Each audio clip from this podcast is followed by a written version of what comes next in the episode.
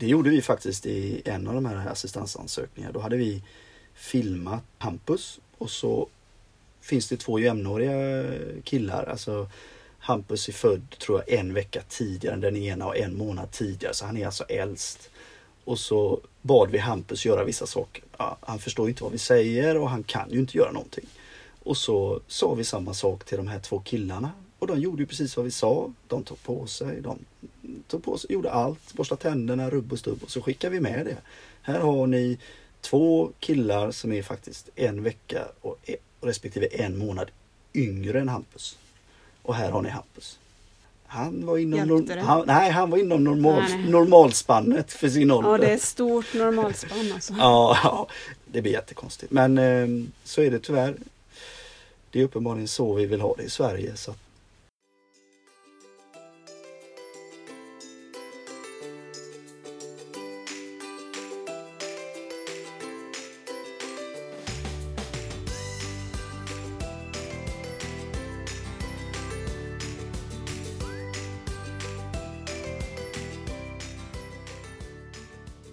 lyssnar på Nordlyckans podd. Avsnitt 35 har vi kommit fram till nu. Och jag som driver den här podden, jag heter Emma och jag är mamma till en pojke med särskilda behov. Vide som snart fyller fem år, som har en sällsynt ämnesomsättningssjukdom som heter CDG, som har gett honom ett antal olika funktionsnedsättningar. Och I det här avsnittet så har jag med mig TFO Sensory som sponsor. Och förra gången som TFO sponsrade så pratade jag om deras sortiment av olika gungor. De har gungor för alla. Och idag så tänkte jag att vi skulle prata lite sinnesrum. Vi är olika rustade för att klara av att hantera alla sinnesintryck som vår kropp får uppleva varje dag. En del av oss blir överstimulerade och kanske därför trötta. Och ibland kan bristen på stimulans istället göra oss uttråkade. Och på TFH så jobbar de med att inreda just sinnesrum. Och sinnesrum kan man såklart ha hemma, men man kan också ha det i olika typer av verksamheter. Till exempel i skolor, på förskolor, på sjukhus, inom psykiatri och kriminalvård, på äldreboenden eller i daglig verksamhet. Det finns också företag som kanske vill erbjuda sina anställda en laddstation det finns inga standardrum när det gäller sinnesrum utan TFO hjälper till att ta fram ett sinnesrum som passar bäst i er miljö. För tre år sedan så drog vi igång ett projekt här hemma att bygga ut vårt hus för att vi skulle få ett rum på nedervåningen. Vi är så nära nu att eh, vi kan faktiskt säga att det är klart och att vi kan börja inreda. Och då kommer jag ha det här tänket med sinnesrum. Att det ska vara ett rum för avslappning, men det ska också vara ett rum som stimulerar hans sinnen på olika sätt. Och för Vide som behöver mycket motivation för att röra sig så finns det också tankar på att det ska vara ett rum som lockar till rörelse. Och Eva på TFH Sensory är otroligt duktig och proffsig på att vägleda oavsett om det är det lilla eller det stora sinnesrummet du vill inreda.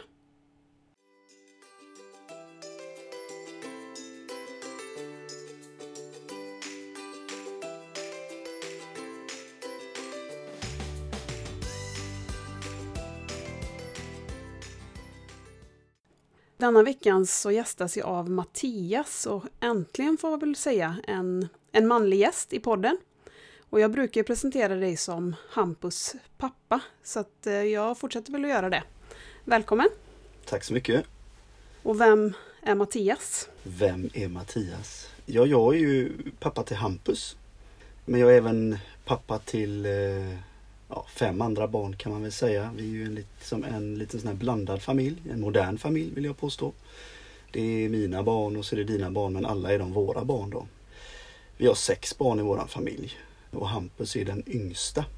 Fem eh, normalstörda barn och eh, Hampus som har lite fler störningar än normalt kan man väl säga. Om man nu vill kalla det störningar men eh, ja, alla är vi olika. Det är väl i, i, i korta drag vem jag är liksom. Jag har ju träffat egentligen mest din fru Annette i olika sammanhang på habiliteringen och vi har varit i Göteborg och tränat med våra killar där också. Ja, precis. Brukar ju säga att Hampus är Vides bästa kompis för att nu har de inte träffats så mycket det senaste året då på grund av det här viruset. Nej. Vi upplever i alla fall att de har en väldigt speciell kontakt. Alltså Hampus har kanske inte så många kompisar så som Alltså om han träffar jämnåriga så, så betraktar ju de jämnåriga, alltså Hampus han är fem och ett halvt, ska fylla sex här i april. Och, och jämnåriga med honom ser ju honom som en bebis liksom. Det blir inte riktigt den interaktionen men med Vide så har de ju ändå de har ett utbyte på något sätt. Liksom. De är olika men de hittar ändå liksom likheter och har kul tillsammans. Hampus tycker alla människor, alla barn är roliga men det blir inte den kopplingen liksom. För Vide söker ju väldigt sällan kontakt med andra barn men det är någonting speciellt med Hampus för att när de träffas så han, de har ju hållit varandra i handen och de lyckas på något sätt alltid hamna i, på samma plats även om man är i en stor sal. Och Ja. När ni var här och fika så Vide är ju väldigt låst vid sin soffa men då var han ju uppe och vandra och var framme och kände lite på Hampus och sådär. Så det är ju de här små, små sakerna som vi föräldrar ser att det är en skillnad mot när man träffar andra. Så det är ju jätteroligt. Ja, våra barn och kanske sänder ut någonting som eh, det krävs någonting för att känna av det. Jag vet vi, vi skaffade hund här i, i våras och Rocky då han, han har ju faktiskt bitit de andra barnen när de har varit på honom liksom och stört honom eller gjort någonting. Och det är ju inte jättepositivt men Hampus har han faktiskt aldrig skällt på, aldrig bitit på och då har Hampus alltså lagt sig, krypit på, puttat, dratt i svansen. Han har gjort precis saker som de andra barnen aldrig skulle få göra med Rocky. Det kan Hampus göra liksom. Så de kanske skickar ut någonting på något sätt liksom. Det är svårt att förklara. Och djur är ju fantastiska också på det sättet att känna, känna Ja. av det. Men jag tror att Vide känner att han och Hampus är på något sätt är de på samma våglängd så det behövs inte så mycket. Nej, det, är- så är det nog faktiskt. Och vi har ju pratat lite om det här med, med varför det inte finns så mycket papper till barn med särskilda behov som syns på sociala medier eller i poddar. Vad har du för tankar kring det? Jag har ju lyssnat en del på poddar. Jag har ju lyssnat på din podd och jag har lyssnat på några andra poddar och det är ju det är ju mammor eller tjejer som på något sätt berättar om hur vardagen är och hur man upplever saker och ting. Men det finns ju sällan några pappor eller killar som gör det och varför är det så? Jag vet inte, vi eh, när jag träffar andra papper i liknande situation så pratar man ofta olika praktiska saker, lösningar. Det kan vara alltifrån vad har du för bil och vad har du för anpassning i bilen och sådana grejer. Jag vet egentligen inte om vi... Det är egentligen bara vid ett tillfälle. Det var ja, den här podden som jag och en kille, Micke, har startat. Och varför jag startade med Micke var för att jag upplevde att vi hade ett väldigt fint samtal. En gång har vi fortfarande, men, men just det var, det var den gången jag kände att här var det någon som öppnade upp sig. Jag tror nog faktiskt att fler skulle öppna upp sig om man, liksom, om man ställde frågan. Men det är inte så ofta man kanske ställer de här lite djupare frågor, frågorna killar emellan liksom. Nej. Nej, för jag har ju lyssnat på er podd nu sen, för det var det jag försökte, tänkte jag skulle kommit in på lite snyggt, men nu förekom du mig här. Ja, Men ni har ju podden då Funkisfarsor och ni har släppt, är det tre eller fyra avsnitt? fyra avsnitt har det blivit. Och det, jag har ju lyssnat på er och eh, tycker att jag har ju skrivit till er också att ni är väldigt eh, intressanta båda två och lättlyssnade. Men det jag reflekterat över till skillnad från när jag då mestadels har haft mammor som gäster i den här podden att vi pratar ju väldigt mycket bara barn. Ja, Ni pratar ju ganska mycket mer om er själva. Ja, vi pratar ju hur vi upplever saker och vad som har hänt i veckan liksom. Eh, Sen, har vi väl inte kanske blivit riktigt varma i kläderna heller så, men det... Jag har tänkt så att det där måste jag plocka upp lite. Jag måste ha in mig lite mer av mig själv i podden, inte bara prata vidare. Ja, Så att jag, okej. det, är inte, det, är ingen, det är ingen kritik utan bara en reflektion över lite olika ingångar. ja, precis. Samma typ av podd men ändå väldigt olika. Ja. Sen är det väl som så att vi kanske... Jag vet du hade... Du kanske har haft i fler poddavsnitt, men i ett poddavsnitt så pratade du lite grann om det här med typ någon form av ansvarsfördelning eller arbetsfördelning dig och din sambo emellan. Och det där har jag ju funderat lite på för vi, vi har ju också en uppdelning, jag och Hampus mamma Anette. Och hon tar ju exempelvis alla sjukhusbesök och läkarbesök Men det kanske kommer så att hon är hemma med honom heltid. Medan jag kanske tar alla diskussioner med assistansbolag, med jurister, läser allt vad försäkringskassor och kommuner skriver och, och sköter överklaganden och allt sånt liksom.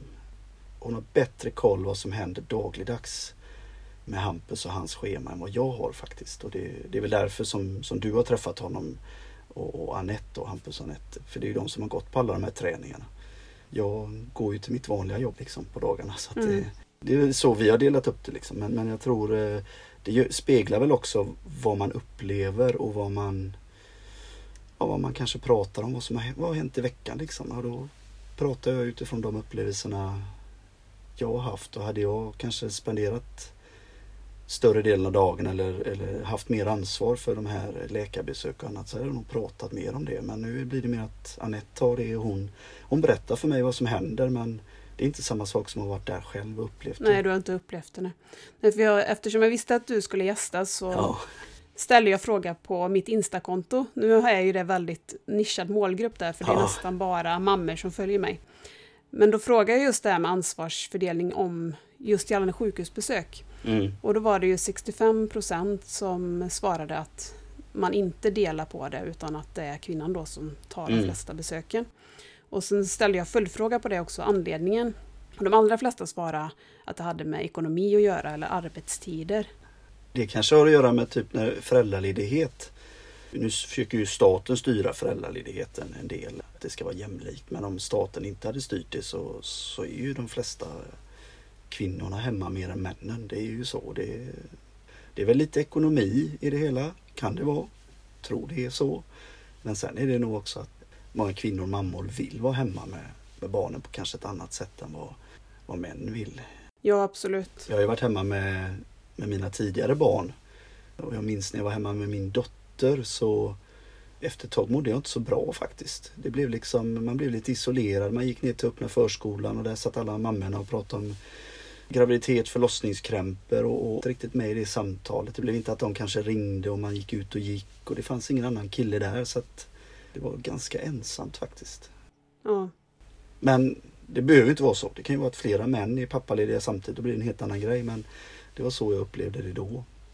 Nej, för det var faktiskt eh, anledning nummer två då till varför så många kvinnor tog fler sjukhusbesök var just man beskrev det på lite olika sätt, men kontrollbehov eller att, för att man vill göra det. Ja. Att man kanske inte släpper in mannen, så det är inte, det är inte så att man, att man sätter på sig en offerroll, utan det kan ju också vara så att man väljer den arbetsuppgiften för att man vill vara med sitt barn. Och... Nej, jag kan känna som så att jag vet från mitt jobb att delat ansvar kan lätt bli inget ansvar. Liksom. Så att om man exempelvis skulle dela upp att man går på varannat läkarbesök. Jag tror inte man, man får, då får ingen koll. För det är tyvärr så att det är ju inte som så att jag upplever att sjukvården är de som har koll på Hampus. Utan det är så många olika läkare och hej och ingen har ju någon helhet utan helheten hamnar ju på föräldrarna det är faktiskt mycket enklare om en förälder har den helheten. I vårt fall är det ju, är det ju Anette då som har helheten på sjukhusgrejerna. Mm. Så hon, hon kan liksom prata med en läkare och säga, men nu säger du det, men den här läkaren har ju sagt så. Alltså det, det stämmer ju inte, det går inte ihop. Nej, har han sagt så? Alltså, och skulle vi då kört, delat upp det på något sätt så att jag tog öra, näsa, hals och hon tog någon annan typ av läkare så, så hade liksom inte den här korsbefruktningen blivit på samma sätt. Även om man kanske sätter sig ner och försöker återmata och berätta för den andra så missar man ju saker. Liksom. Och man behöver ju någon som är lite koordinator. Så är det ju. Ja, det ska ju sjukvården stå för men jag upplever att det funkar inte. Det är inte mycket de koordinerar. Det är ju knappt så att om man ber dem ska utföra under en operation två grejer samtidigt så är det knappt att det är man får verkligen ringa och kontrollera. Det är som så att ni kommer ta polyperna nu när ni ändå är inne och pillar i öronen. Liksom. Va, ska vi göra det? Liksom? Ja, men det behövs ju en helt annan läkare för det. Eh, ja, men liksom, ja det är... Ja, det är mycket. Det är mycket Vi har ju liksom. löst det lite så att Henrik har fått huvudansvaret för vi träffar ju tarmterapeut regelbundet och även ja, nu ska vi träffa tarmläkare. Och den biten har han fått ta, så att han sköter ju de besöken, han ser till att vi har de medicinerna hemma, för nya recept och så vidare. Så liksom, hela den bollen har han fått. Och så sköter jag resten kan resten. man säga. Då. Ja. Men det funkar ju för oss för då det är det ändå lite arbetsfördelning. Ja, precis.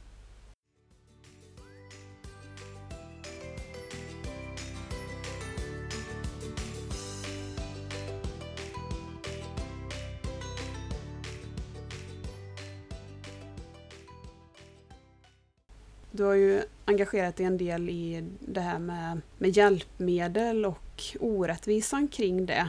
Ja, Det beror väldigt mycket på dels vilken region man bor i och sen om man har ekonomiska möjligheter att köpa hjälpmedel själv. det finns ju fl- flera frågor där men hjälpmedel, om man, t- om man tar fritidshjälpmedel. Det finns 21 regioner om jag fattar rätt i Sverige och det finns vissa regioner då som tycker att ja, men en cykel, en, en anpassad cykel det är, det är någonting som alla har rätt till. Det är några få regioner som tycker det. Och så finns det regioner som inte tycker det då, det vill säga att man måste, få köpa, man måste köpa en cykel själv. Men sen tycker jag inte att man får hjälp med fritidshjälpmedel.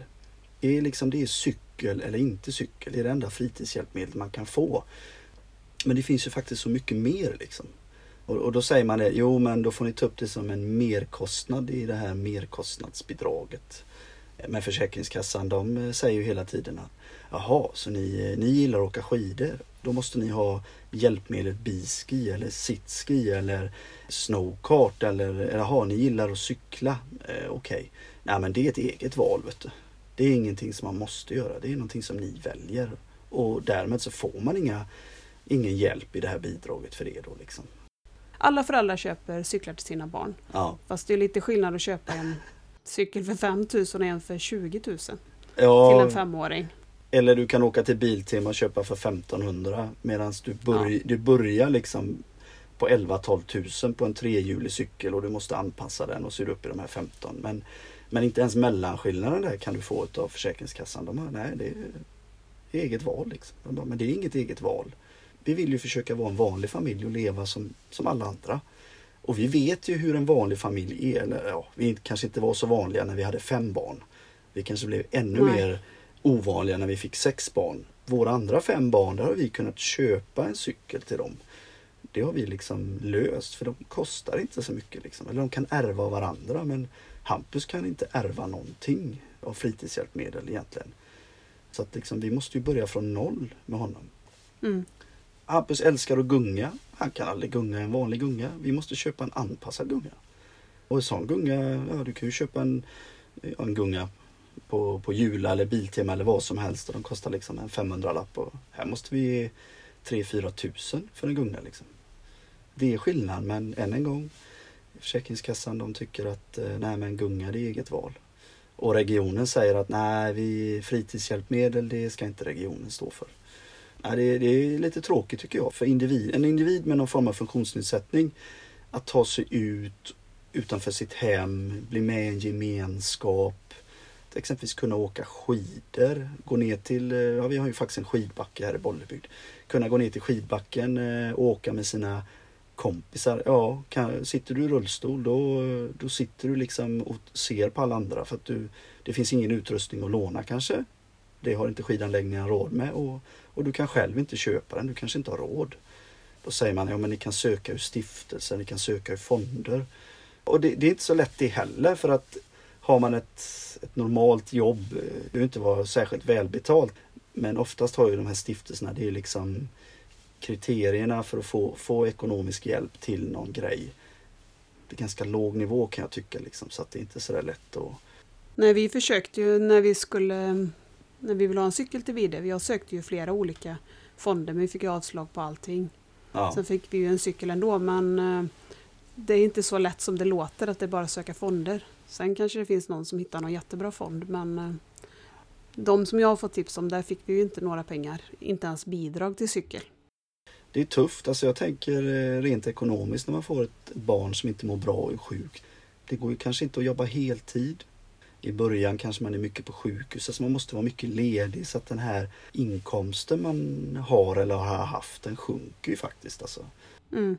Och på det så ska man då, om man vill leva som man gjorde tidigare eller leva som en familj med barn i samma ålder så kostar allting mycket mer. Liksom.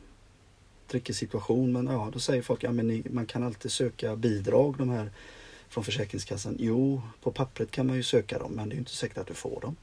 Nej, och sen har ju folk en uppfattning om att de här bidragen är mycket mer pengar än vad det faktiskt är. Ja, Jag har ju fått höra att ja, men ni har ju, ni har ju vårdbidrag för Vide.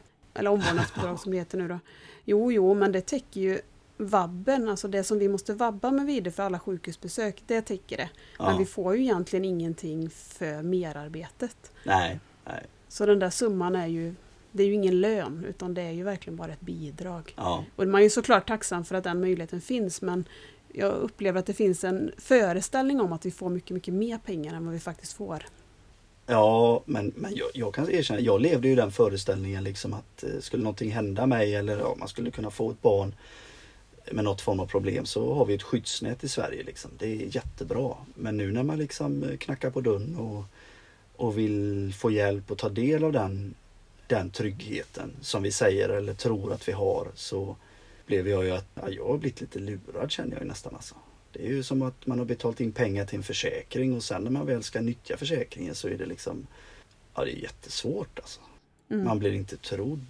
Vi har ju sökt assistans, statlig assistans via Försäkringskassan fyra gånger och ja, vi fick faktiskt ett förslag till beslut idag som jag strax innan här nu satt och läste. Och jag har ju läst tre andra sådana här där det har blivit avslag och, och man blir bara ledsen när man läser liksom hur, hur de exempelvis i ett beslut jämställde Hampus med en normal fyraåring men som är lite trotsig. Alltså i situationen klä av och klä på då så menar de på att ja men tänk er en normal fyraåring som är trotsig, de är inte lätta att ta på. Nej, de kanske inte är lätta att ta på men Hampus han kan inte göra någonting. Han ligger där och får han en spasm så går det inte att ta på honom. Vissa av de här skrivelserna de gör, det, det är så kränkande alltså. Det, det är, Mm. Man blir ju upprörd. Va? Så, att, eh, så när, jag, när jag pratar med Försäkringskassan så brukar jag oftast inleda med att säga det att eh, om det är en ny individ ska jag säga att jag har ju pratat med dina kollegor tidigare och eh, om du tycker att jag är oförskämd ibland så beror det faktiskt på hur jag har upplevt dina kollegor. Så det kanske inte har med dig att göra. Men, men på något sätt så tycker jag faktiskt ni, ni, ni både kränker och är oförskämda.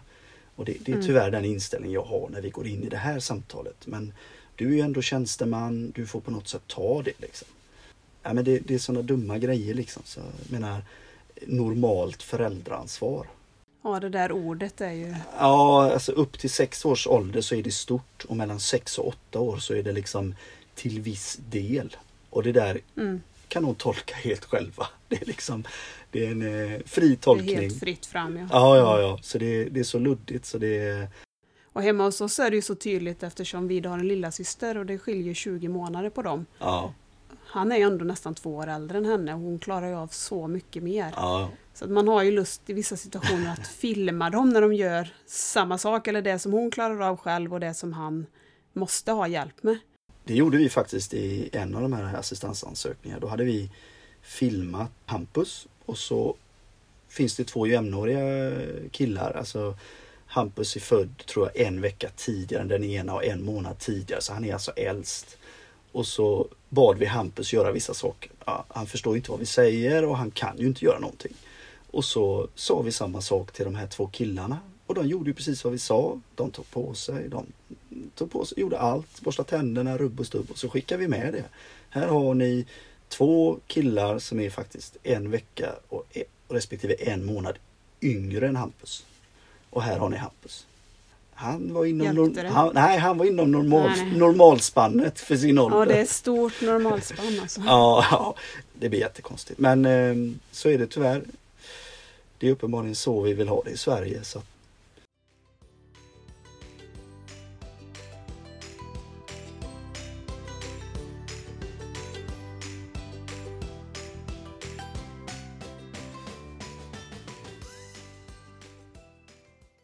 Och det här nya beslutet ni hade fått, var det bra eller dåligt? det var faktiskt det första positiva beslutet. Så att nu, nu ser de ju Hampus. De erkänner ju att han har den problematik han har.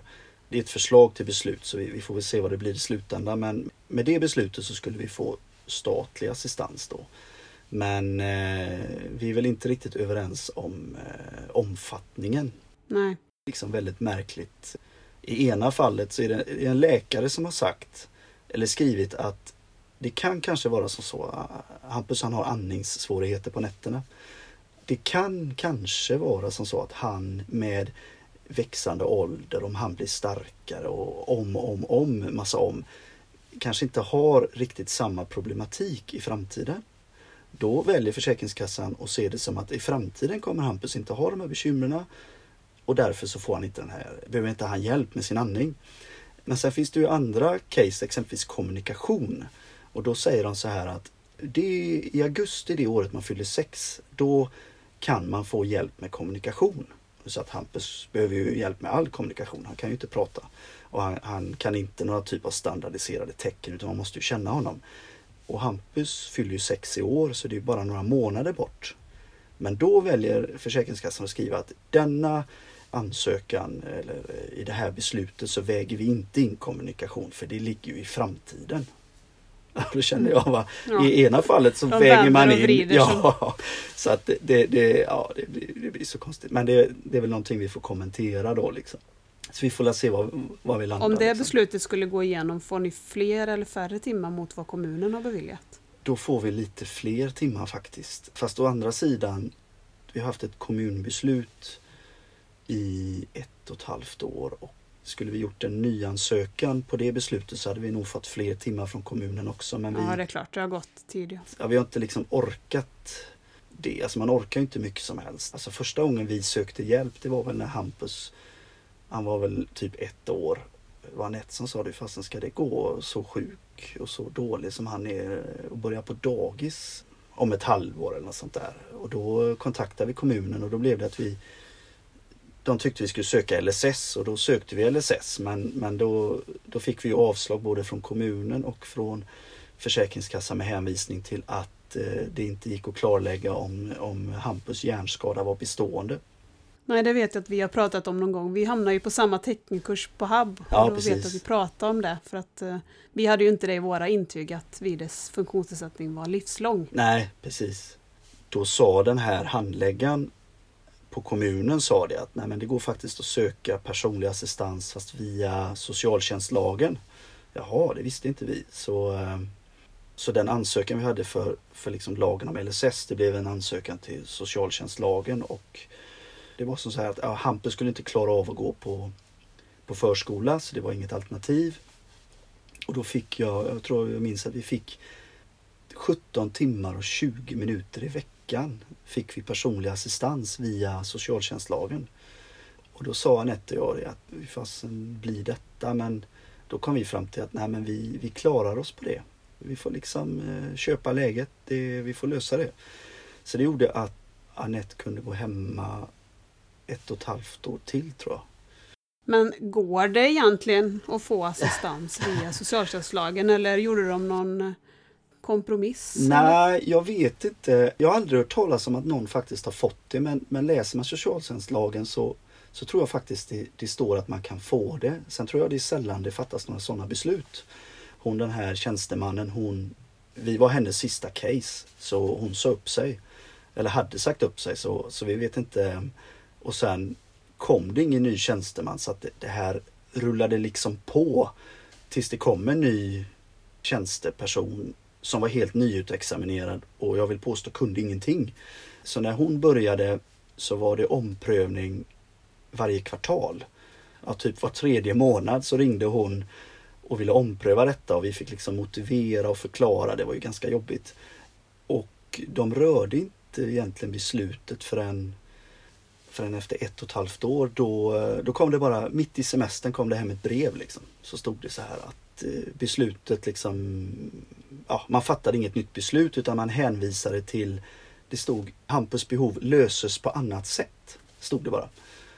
Och tänkte vadå annat sätt? Så jag försökte ringa handläggaren men då hade hon gått på semester. Jag ringde handläggarens chef, hon hade gått på semester.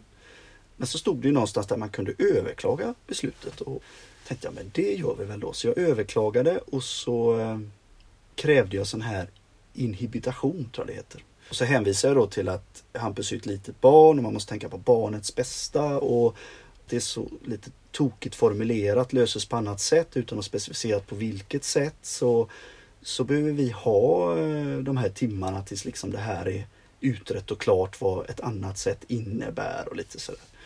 Och då gick ju rätten på det så att de klubbar ju det. Så då fick vi behålla timmarna från att egentligen ha, kunna ha en dialog med kommunen då så eh, så blev det ju att det blev skriverier till förvaltningsrätten. Jag gillar att skriva saker så att det var ganska kul faktiskt. Det, det blev en liten eh, kommunens jurist och jag liksom. Det är inte alls så långt ifrån. Vi hade kunnat träffas och diskutera men det blev att vi skrev skrivelser. Och, ja, rättssamhället är ju som så att skickar man in ett eh, papper med en synpunkt så ska ju det behandlas av rätten och det ska skickas ut till motparten och motparten får två, tre veckor på sig att svara och så kommer det tillbaka. Så att jag tror vi höll på i över ett år och diskuterade vad som var det bästa för Hampus. Via rätten och, och så länge rätten inte har fattat något beslut så behåller vi våra timmar. Mm. det var, och, och, i den vevan så hade vi träffat på ett assistansbolag. Träffat på ett assistansbolag i Kalmar, vi var där på semester. Och de var villiga att betala en jurist bara vi signade oss till deras assistansbolag. Det vill säga att vi under ett års tid skulle liksom eh, låta assistansen gå via dem.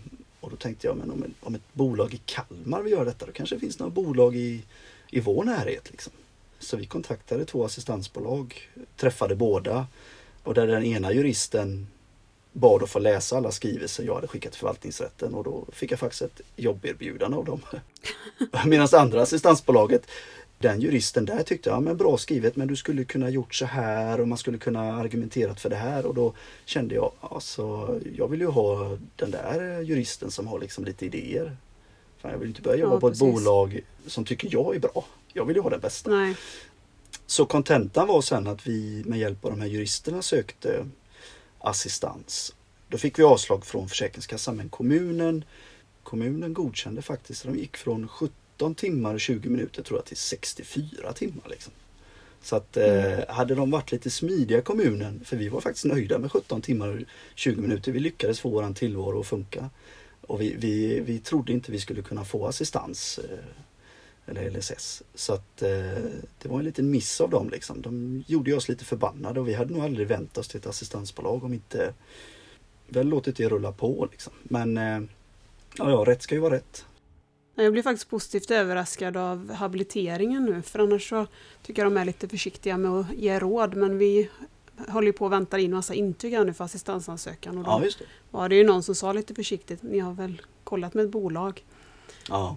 Det var ju ändå bra. Nu hade vi ju redan gjort det, men alla har ju inte riktigt den kollen att det kan vara bra att ha någon i ryggen. Jag säger som så här att eh, kontakta ett bolag och be dem hjälpa till för det, det finns många grejer man inte tänker på och det tar ju en del energi att sköta all pappersexercis. Sen är det klart man måste ju läsa allting, man måste kommentera allting men att ha någon som håller koll på processen, kanske stöttar upp, eh, guidar en i det här lilla minfältet. För jag menar det handlar ju om ordval. Ja visst.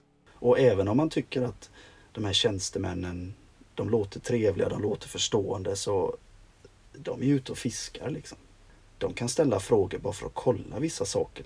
Ja, ja. Så det, det, det är mitt råd till, till alla som lyssnar att eh, är det som så att ni tror ni har rätt till assistans så takta ett assistansbolag och be deras jurist titta på vad ni har att berätta och sen kanske de säger ja men ni måste skaffa intyg på det här och det här och det här och sen är det bara att dra det racet med sjukvården liksom att vi behöver intyg på detta, detta, detta, detta kommer säkert sjukvården tycka det är jättejobbigt för det är jobbigt att skriva men, men någonstans måste man ju, ja, måste man få den hjälpen. Också. Ja, det är det. Vi får ju inga intyg någon annanstans ifrån. Nej, när vi ansökte om avlösarservice så gjorde jag mig lite obekväm också för jag tyckte att handläggningstiden var alldeles för lång. Ja. Så att jag skickade ju mejl och ringde den här stackars handläggaren stup i kvarten. Ja. Så när vi väl var våran tur så hade de bytt ut henne så då fick vi en annan handläggare. Ja, ja. Ställa krav är aldrig bra vet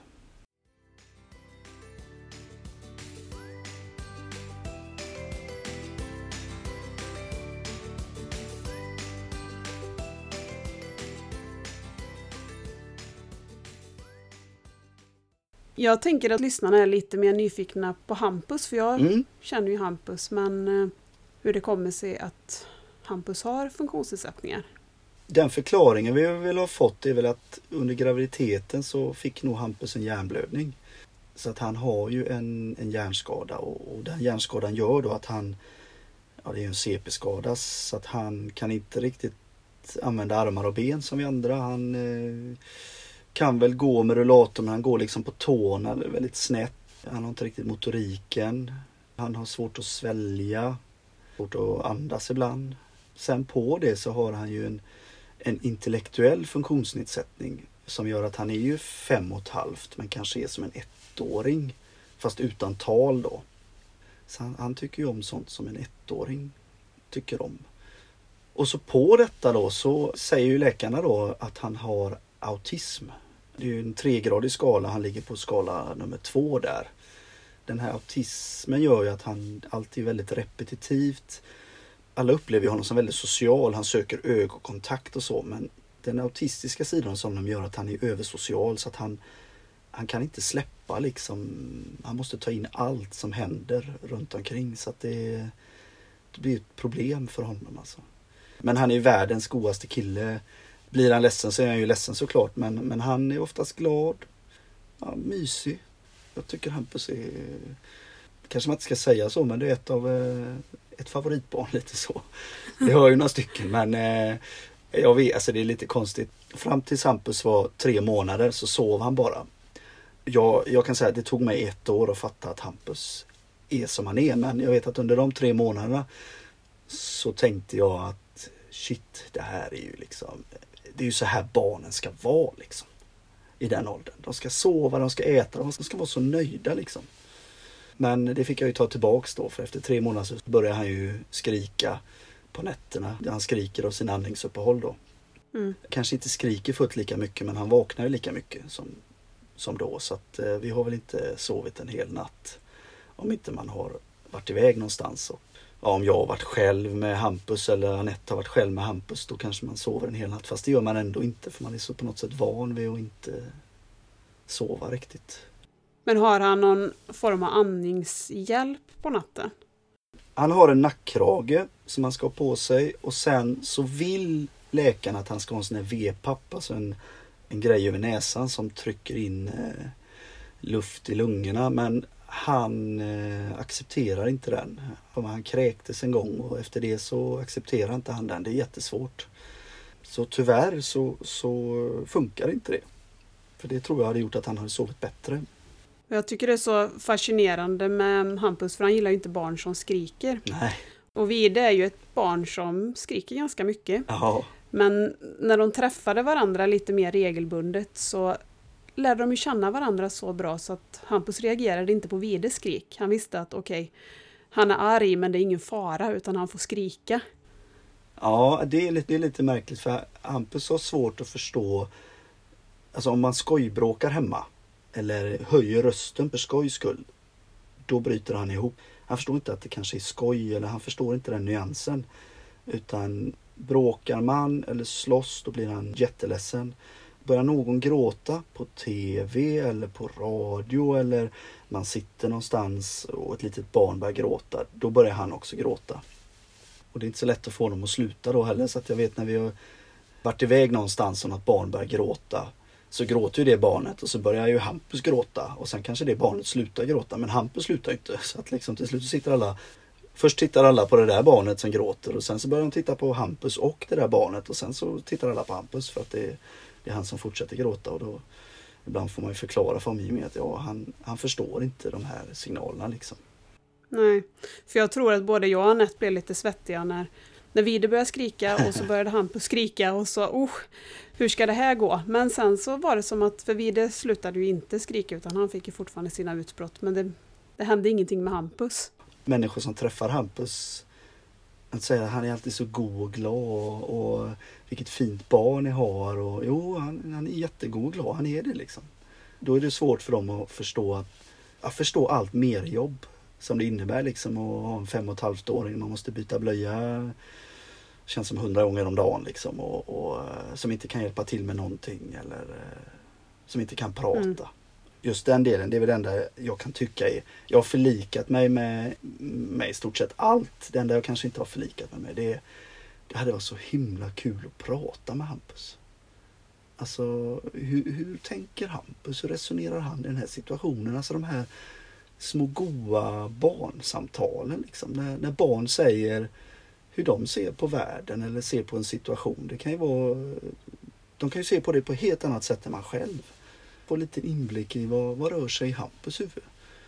Men det, det kommer, ja jag vet inte om vi någonsin kommer få det. det kan jag sakna. Ja, det, jag känner ju precis likadant för det är många som har frågat om tidigare då om han kunde gå. Men jag tycker inte att just om man kan gå eller inte, inte så intressant för mig personligen. Jag hade ju mycket hellre valt att tala ett språk än att han har ett självständigt gående. Om jag hade fått välja mellan de två förmågorna. Ja, jag håller med. Håller med helt och hållet. Det är inget fel på rullstol. Det funkar hur bra som helst.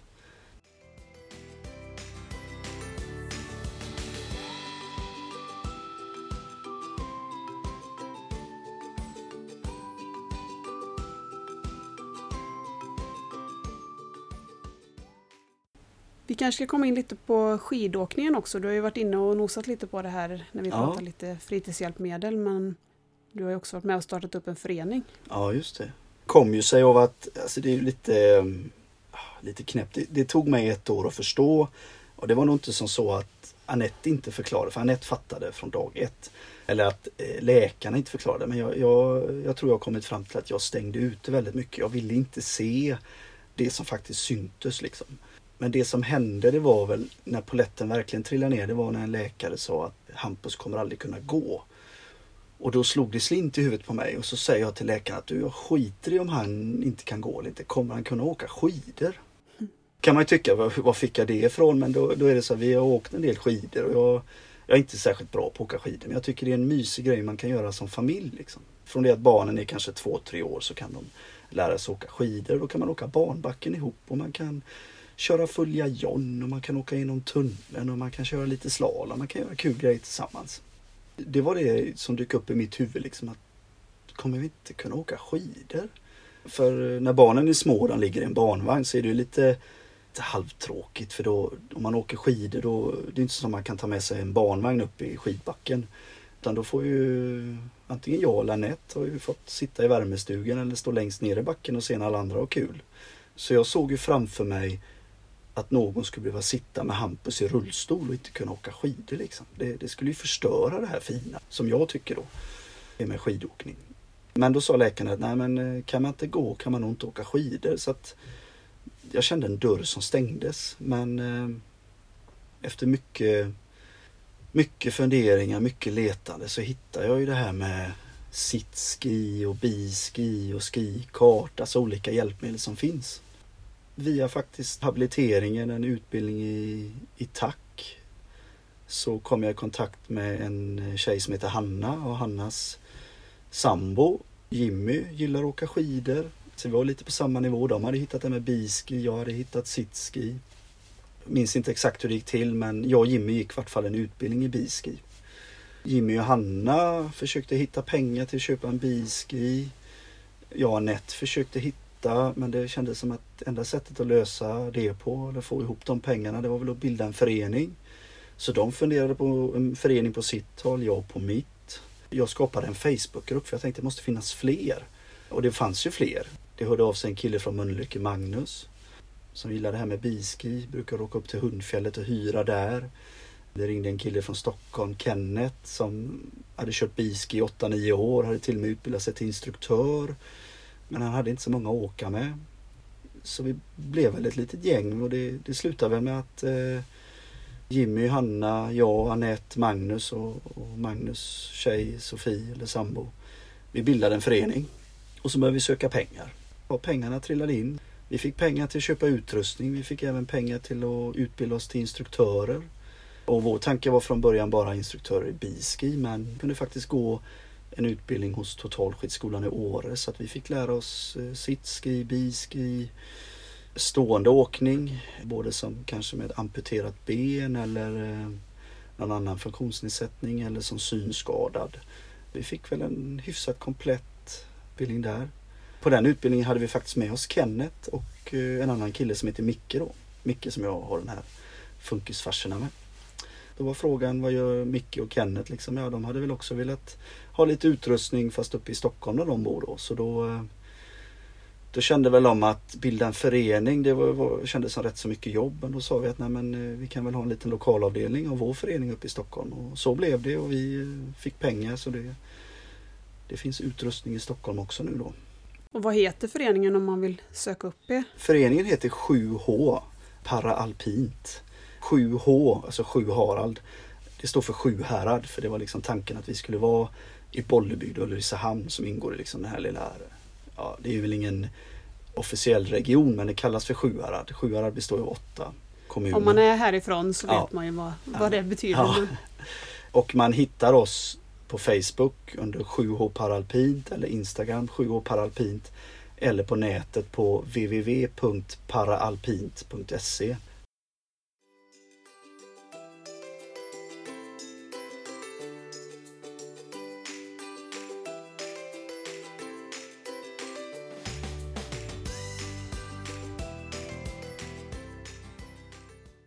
Det var ju inte så mycket snö förra vintern här nere så att vi, eh, vi lyckades Vi åkte väl skidor en dag i barnbacken i Ulricehamn. De hade väl öppet en vecka förra säsongen och det blev en dag där. Så man kan väl säga att den gröna årstiden är ju längre än den, den vintriga så att eh, vi fick faktiskt en fråga från en verksamhet som heter Lider Sjuhärad. Lider Sjuhärad får pengar av de åtta kommunerna i Sjuhärad och eh, sedan får man pengar ifrån EU. Och det var de som betalade vår utbildning i Åre exempelvis. Så att när vi avrapporterade den, det projektet vi hade hos dem så sa de att de tyckte vi hade gjort det på ett bra sätt. Och de undrade om inte vi hade några fler idéer och då hade vi kommit i kontakt med downhill för funktionsnedsatta. Man, man gör det i Alperna med speciella cyklar. Då sa vi att ja, alltså det hade ju kunnat vara kul att vara i skidbackarna i, i Sjuhärad och köra downhill på liksom den gröna årstiden. Ja, men vad intressant, kan ni beskriva det lite mer? Och så efter lite beskrivande där så fick vi faktiskt ett nytt projekt beviljat. Där vi då ska åka till Frankrike och genomgå deras ja, typ instruktörsutbildning i downhill och vi ska få köpa två cyklar. Så eh, förhoppningsvis till sommaren, beroende på det här med pandemin och annat, så, så drar vi igång med downhill då. Ja, spännande. Och när du säger cyklar, hur ser de ut? Ja, alltså, cyklar, de har inga tramper på det sättet utan de här cyklarna är, det är fyrhjuliga cyklar med en sits i där individen som åker sitter i och sen så finns det en liten plattform bak där en förare står som kan bromsa och styra då så att det är, det är en fyrhjuling med en som sitter och en som står då och styr. En öppen fyrhjuling med en rallysits i. Individen som sit, sitter och åker behöver inte ha förmågan att kunna styra eller bromsa eller, något, eller fatta beslut om man säger så, göra vägval. Utan den, den har en annan individ som står bak på den här fyrhjulingen och styr med ett, eh, ett cykelstyre. Mm. Jag har aldrig sett någon live, jag har sett filmer, jag har sett den på bild och det ser, eh, det ser häftigt ut liksom. Ja. Sakerna som du sa innan, biski Ja. och Sitski. vad är det för, för skillnad på dem? Ja, en, en sitski det är en sits kan man säga med en skida under. Från början var ju det för människor som ja, kanske satt i rullstol men, men ändå kunde styra själv, alltså ha, ha den, men, ja, den kognitiva förmågan eller mentala förmågan och även kanske ha styrkan i överkroppen för med hjälp av några speciella stavar så kan man köra den själv. Sen så utvecklades det så kom det en, en variant på sitski fast den har två skidor under sig och den kallar man för biski. Den kan man också köra själv om man har förmågan men primärt används nog biski till att man har någon annan som styr åt den. Det vill säga det finns någon som, som kör bakom, som har egna skidor, kör bakom och genom att man lutar biskin så svänger den. Sen har man ju vidareutvecklat sitskina också så det går ju också att ha en person som åker bakom och hjälper den att styra den med. Mm. Vi satsade på det här med biski för det, det var väl det som vi kände att våra barn har nytta av och, och så men vi, vi har köpt två stycken sitskisar, det har vi i föreningen. Sen eh, hittade vi en annan produkt som heter Snowcart. Det är också två skidor fast lite bredare isär med två spakar så man, man för ihop spakarna så plogar man. Har man spakarna upprätt så står skidorna rakt fram. Drar man spakarna åt höger svänger man åt höger. Drar man spakarna åt eh, vänster svänger man åt vänster. Och den är för människor som, som kan styra själv men inte har balansen till exempel. Då. Ja, just det. Smart. Ja, smart. Och så har det visat sig att det finns ett gäng i USA som vi har lite kontakt med som har byggt om en sån här snowcart så att den är elektrisk. Det vill säga att du behöver inte ha förmåga i armarna utan om du kan styra en joystick så kan du liksom eh, köra en sån här snowkart själv. Ja, det blir som en elrullstol Ja, elrullstol. på Och, snö. på, ja, precis. Och sen eh, om de kan använda munnen, det vill säga med hjälp av utandningsluften, så kan de styra snowkarten med det också. Pratat lite grann med dem. Som det ser ut just nu så kommer de eventuellt nästa vinter till eh, någon skidanläggning i Norden och då, då är vi inbjudna att få komma och testa den här. Så får vi se. För det känns som att det hade ju varit väldigt spännande för många individer tror jag som exempelvis har en, eh, en permobil eller någonting. Det är ju, det är ju samma ja, typ av reglage. Ja, väldigt självständigt. Sen hade ni lagt upp någon bild på, kallar det för rullator, men det heter säkert något annat som man Ja, har, just det håller sig. Ja, det är en, eh, en snowglider. Det var också det här lidergänget som, som frågade om vi inte hade några andra idéer och då, då kunde man söka vad man kallar för någon form av typ utvecklingscheck. Så då sökte vi pengar till en snowglider. Det är en produkt från USA. Vi vet inte, vi vet inte ens om den finns i Europa. Så då fick vi faktiskt pengar till att köpa en sån här snowglider och vi testade den för förra helgen och var förvånansvärt stabil och vi kände liksom att den passar både vuxna och barn. Den går att anpassa så. så att får man bara på pjäxor på fötterna, exempelvis Hampus, går inte det att få på pjäxor på hans fötter. Men om jag hade fått det så tror jag faktiskt att han skulle kunna, kunna stå och åka med den här snowgliden. Det tror jag. Fast jag hade i och för sig fått åka bakom med, och med några liner styra honom då. Jag tror inte han har förmågan att styra men han hade ändå kunnat stå upp och åka skidbacken.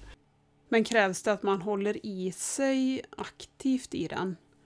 Ja, eller ja och nej för det, det går ju att spänna fast eh, händerna i den. Mm. Men släpper du så är ju risken stor att du trillar liksom. Nej, för jag sitter och tänker på Vide och han hade säkert klarat det, men sen, det är ju som allting, han åker helt plötsligt så släpper han. Han fattar inte att man måste hålla i sig hela tiden. Ja, nej men det finns, eh, du kan spänna fast handlederna. Ja, okej. Det går nog, går nog att lösa liksom. Nej men den, den var lite, lite intressant faktiskt. Eller, eller den var väldigt bra tycker jag. Så att, eh, det, det finns mängder med hjälpmedel, det gäller bara att hitta dem. Hitta och pröva. Ja, för det och... vet jag att ni nämnde i er podd också, att, att Sverige ligger ganska långt efter när det gäller hjälpmedel. Jag kan känna att exempelvis Norge, om man tittar i deras hjälpmedelskatalog som man som individ kan välja utav så är ju det himmelriket. Jag menar, där kan du verkligen få en egen biski, du kan få en egen sitski, du kan få en egen downhillcykel. Anpassad sådan. Om du vill liksom och du kan visa på att du har behov av den. Men i Sverige finns ju inte ens den katalogen. Liksom. Det är, bor du i, i Halland så, eller om det är i Skåne så kan du få en anpassad cykel. Trehjulig liksom. That's it. Mm. Så där ligger vi ju lite efter. Sen kan, man ju, kan jag ju tycka att Alltså jag själv är ju ingenjör och jobbar ju med att bygga flygplan och jag tycker vi är jäkligt duktiga i Sverige liksom. Vi, jag menar vi har ju vi har SKF, ABB, Ericsson, ja, Saab, Volvo. Man kan nämna många, många företag liksom som, som har på något sätt kommit ur eh, ur någon form av svensk ingenjörsanda eller konst eller att uppfinna saker. Men varför, varför kommer vi inte på de här fräcka fritidshjälpmedlen liksom? Ja, det känns som det mesta vi stöter på det är, ja, det är USA eller Frankrike tycker jag. Mm. Det, jag kan tycka det är, det är en liten reflektion jag har gjort liksom. Är det för att staten inte har satsat pengar eller tyckt att det här varit intressant liksom? Jag vet inte. Nu är det inte det fritidshjälpmedel, men vanliga hjälpmedel att de ska in i ett hem, men är oftast inte speciellt... Det är väldigt mycket institution och sjukhuskänsla över mycket saker också. Ja. Det är ju inte någon design så att man känner att det smälter in med resten, utan det blir väldigt mycket hjälpmedel. Sen finns det ju undantag, men Jag vet ju Hampus han fick ju en permobil eller fick ju pröva ut. Vi håller på att försöka lära honom det. Det, det går, går rätt så bra. Men då kom ju den i någon slags limegrön färg och jag sa att det där ser ju, alltså den såg så tråkig ut. Så sa det, ja får jag lov att typ lämna in den på det finns ju sån här, eh, vad heter det, wrapping vad man gör på bilar. Tänkte jag. Så man monterar av alla kåporna och så eh, sätter man, nej får du inte göra vet du. Nej, så jag får man inte ska göra inte det. fråga så Nej, mycket. nej jag vet det men man får inte det. Men Jag satte ju på såna här eh, klistermärken på det här hjulskyddet på Hampus rullstol. Jag köpte sånt från England. Jag tror det var med, var det med Pow Patrol eller någonting. Och så fick de ju se det på habiliteringen. Vet, det blev ett jädra liv. Men till slut så tystnade de liksom. Jag sa, ni slänger ju ändå dem. De där plastskydden slänger ni. Alltså de kommenterar ja, det gjorde de ju. Det, För det har de faktiskt inte gjort. För jag har ju spraymålat eh, Vides rullstol med sån här plastfärg som Ja. går att dra av sen. För man, jag vet ju att man måste återställa den. ja, Vi har ju haft med oss den på hub och hjälpmedelstekniken har varit här hemma och så. Men det är ingen som har sagt någonting nej, faktiskt. nej, nej, men det gjorde de faktiskt då. Det, Och det är, allting är ju sånt som går att dra av. Så att vi har ju inte förstört den på något sätt. jag tror faktiskt det till och med var så här. Jag beställde det. Men det är ju det här med att få saker gjort ibland. Det kan ta lite tid för mig. Så jag för mig att Annette hade med sig det här man skulle klistra på, alltså själva klistergrejen. Till, de skulle göra en utprovning. Och så bad hon den här hjälpmedelstekniken att montera det. Så han hjälpte faktiskt till att göra det. Men jag tror det var arbetsterapeuten som sa, men det får ni inte göra. Och det var väl han som Ja. sa det typ att ja, men det här blir ju snyggt liksom och vi slänger ändå det. Så det var nog så det var. För det är ju en annan sån sak som andra habiliteringar kan skriva ut. Den här Ja, ekeskydd. Ja. Så det är väldigt olika. Ja. ja. Men nu har vi bytt om ekeskyddet. Vi tycker att han har vuxit ifrån eh, det han hade så nu har han annat. Man måste ju variera sig lite liksom. Mm, när Vide fick stjärnor. Ja. Också för att man vet ju inte riktigt hur länge han kommer ha den där rullstolen. Så att, Nej, in något som inte var för barnsligt. Men om han hade fått välja hade han nog valt Bolibompa-draken. Men det tyckte nog inte hans mamma. nej, nej, nej.